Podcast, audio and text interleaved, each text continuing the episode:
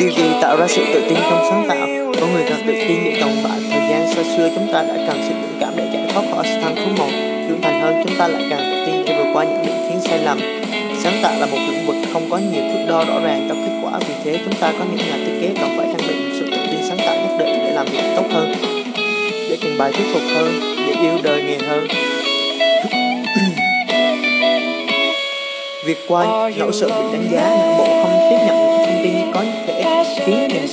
nó bị sai lệch. Nên vì thế chúng ta bị người khác đánh giá hay xếp chúng ta thường cảm thấy khó chịu hay thậm chí chúng ta sợ. Đã việc để người cho người khác đánh giá bản thân mình, nếu ta thực sự muốn phát triển giỏi hơn thì điều đầu tiên cần làm đó là dẹp bỏ cái sự vô lý này. Như Plato từng nói courage is knowing what not to fear? Thực ra thất bại là một phần yếu tố cho sự phát triển và quy trình sáng tạo. Bộ sản phẩm không được khách hàng chọn lựa là một thử nghiệm không phù hợp trong vô số những thử nghiệm khác. Mỗi một option logo bị từ chối cũng như là một bản sketch chưa đạt yêu cầu và tất cả những thứ chưa phù hợp đó sẽ trở thành một sản phẩm tốt cho khách hàng. Tôi biết rằng sáng tạo không chỉ là làm ra những cái hoàn toàn mới, mà đôi khi chỉ cần cải thiện được cái cũ đã là đa dạng của sáng tạo rồi việc trên thế giới đều có hai giai đoạn là làm đúng thứ cần làm và làm cái đó đúng. Nếu trong kinh doanh bạn cần tìm ra đúng tìm ra đúng thứ cái người ta cần rồi mới tìm chiến lược marketing phù hợp để bán nó. Thì trong thiết kế tôi phải biết được thứ mà khách hàng cần rồi mới bắt tay vào làm nó. Đẹp và đương nhiên là vì hoàn hảo là một khái niệm vô cùng không có điểm cuối thì hoàn thành được việc mình đang làm lại giống như một sales boy trong một game. Đỗ học người khác trong những thiết kế của mình. Bằng cách cẩn thận đi qua từng bước đi qua để ra tới sản phẩm hiện tại và không quên sử dụng chúng khi để thiết kế đi. Tôi ngừng trách bản thân và cho những sai lầm đã qua và tôi đã tìm cách.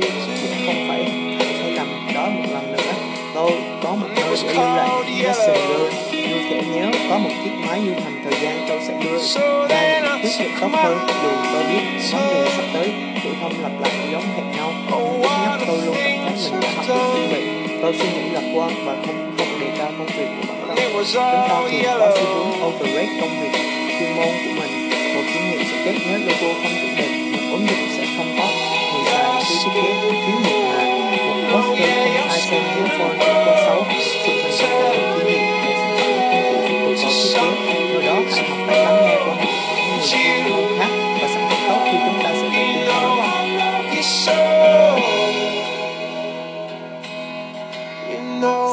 báo giá như thế nào cho đúng. Thời gian qua phát liên tục phải tư vấn. Có nhiều bạn freelance về vấn đề chi phí đi khách. Nên sẵn hôm nay hát chia sẻ một so tết về vấn đề này.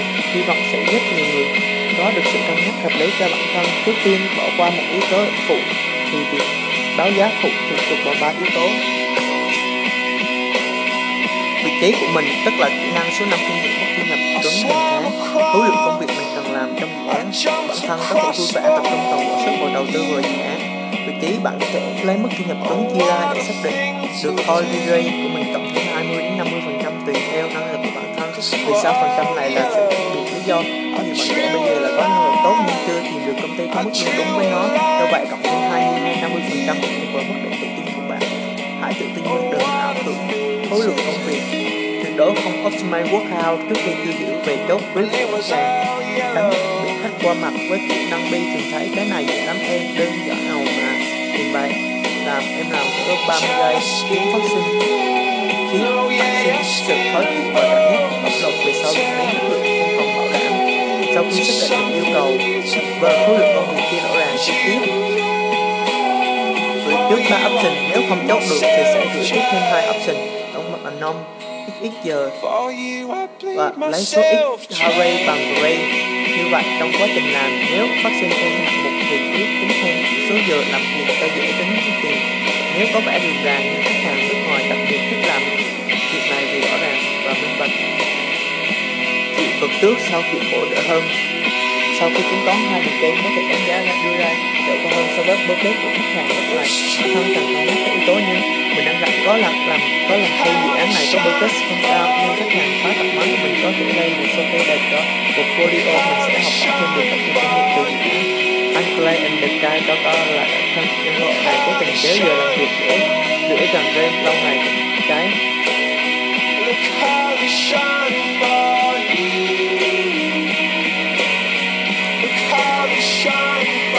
sao cần phải có nội lực.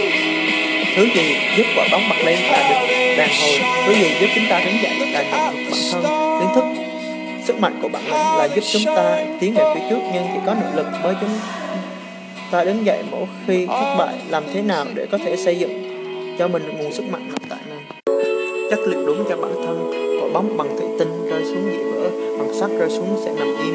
Nhưng nếu bằng cao su thì mới có thể bật lên lại. Quả bóng yếu đuối hay mạnh tốt, hãy tập trung cho bằng cách khả năng thích nghi, luôn chấp nhận thực tại và hướng về phía trước. Học cách suy nghĩ lạc quan trong mọi hoàn cảnh có một cách đơn giản hãy bắt đầu bằng cụm từ ít nhất là bơm căng bản thân, một cục bóng xì hơi khi rơi xuống. Như là một tiếng bẹp một người thiếu kiến thức, kỹ năng thật khó.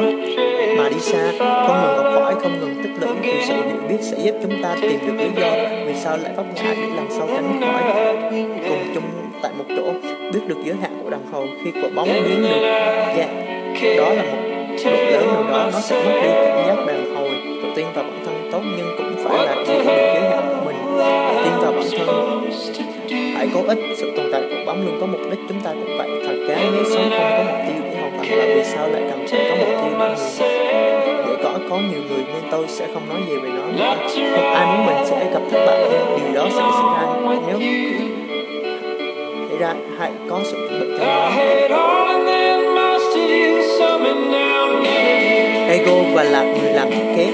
Cái gì thuộc về bạn nhưng ít khi sử dụng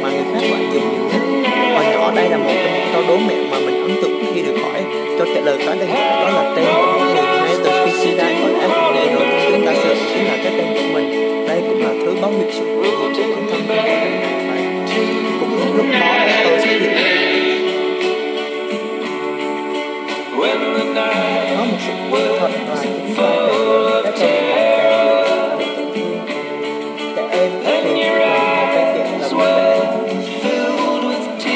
câu thì tự ái cao ngút trời rồi dặn mãi không thôi đặc biệt là cái tôi tôi lệ thuộc với khả năng làm và những thành quả mà chúng ta đạt được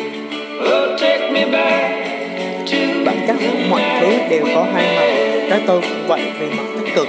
Cái tôi tạo ra sự hãnh diện và tự hào có phần tăng sự dũng cảm để đạt được là chính mình.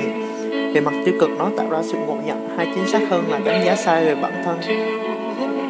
Khiến cho chúng ta tự ti hoặc tự kiêu rồi dần hoài nghi về sự tồn tại của mình.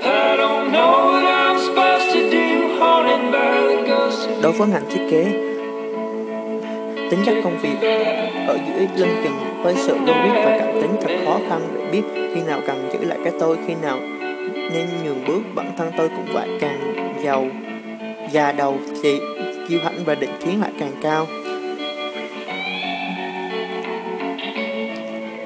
Cái tôi giúp chúng ta giữ được tình yêu với công việc và là và sự tự tin vào chuyên môn. Ra trường đi làm sau vài năm nếu chúng ta không để cho các hàng sếp những quản lý khó tính vô nghị vật và chẳng mấy chốc suy nghĩ sao cũng làm được cái tôi khiến cho việc tiếp nhận sự bác bỏ của phương án thiết kế khó khăn hơn. Chúng ta dành nhiều thời gian, liền kề suy nghĩ và làm ra vài các option xịn sò, hữu ích cho khách hàng với quyết tâm hiên ngang. Cái tôi giúp cho chúng ta hiểu được bản thân, từ đó biết cần phải làm gì để tiến bộ. Cái tôi khiến cho chúng ta mất đi sự đồng cảm và khả năng lắng nghe. Cái tôi giúp chúng ta giữ được chất lượng sản phẩm ở một standard riêng, hiểu được cái tôi giúp người khác thay đổi khi cùng thiết kế.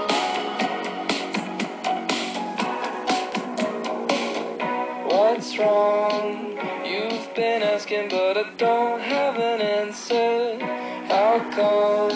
Thành là khi ta cầm trong tay chứng minh nhân dân 57 tuổi mình làm chứng minh nhân dân để chuẩn bị thi đại học lần đầu thiết kế thì mình lấy dấu vân tay nhân người hay nhất năm nay là một năm cực kỳ khó với mày tôi biết mày tôi nói một chuyện cuộc đời mày chúng mày ta từ tuổi 20 ta đánh giá khả năng của chuyện của mày khi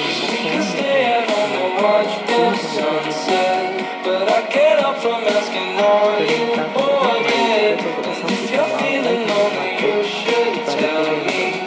But this ends up as another memory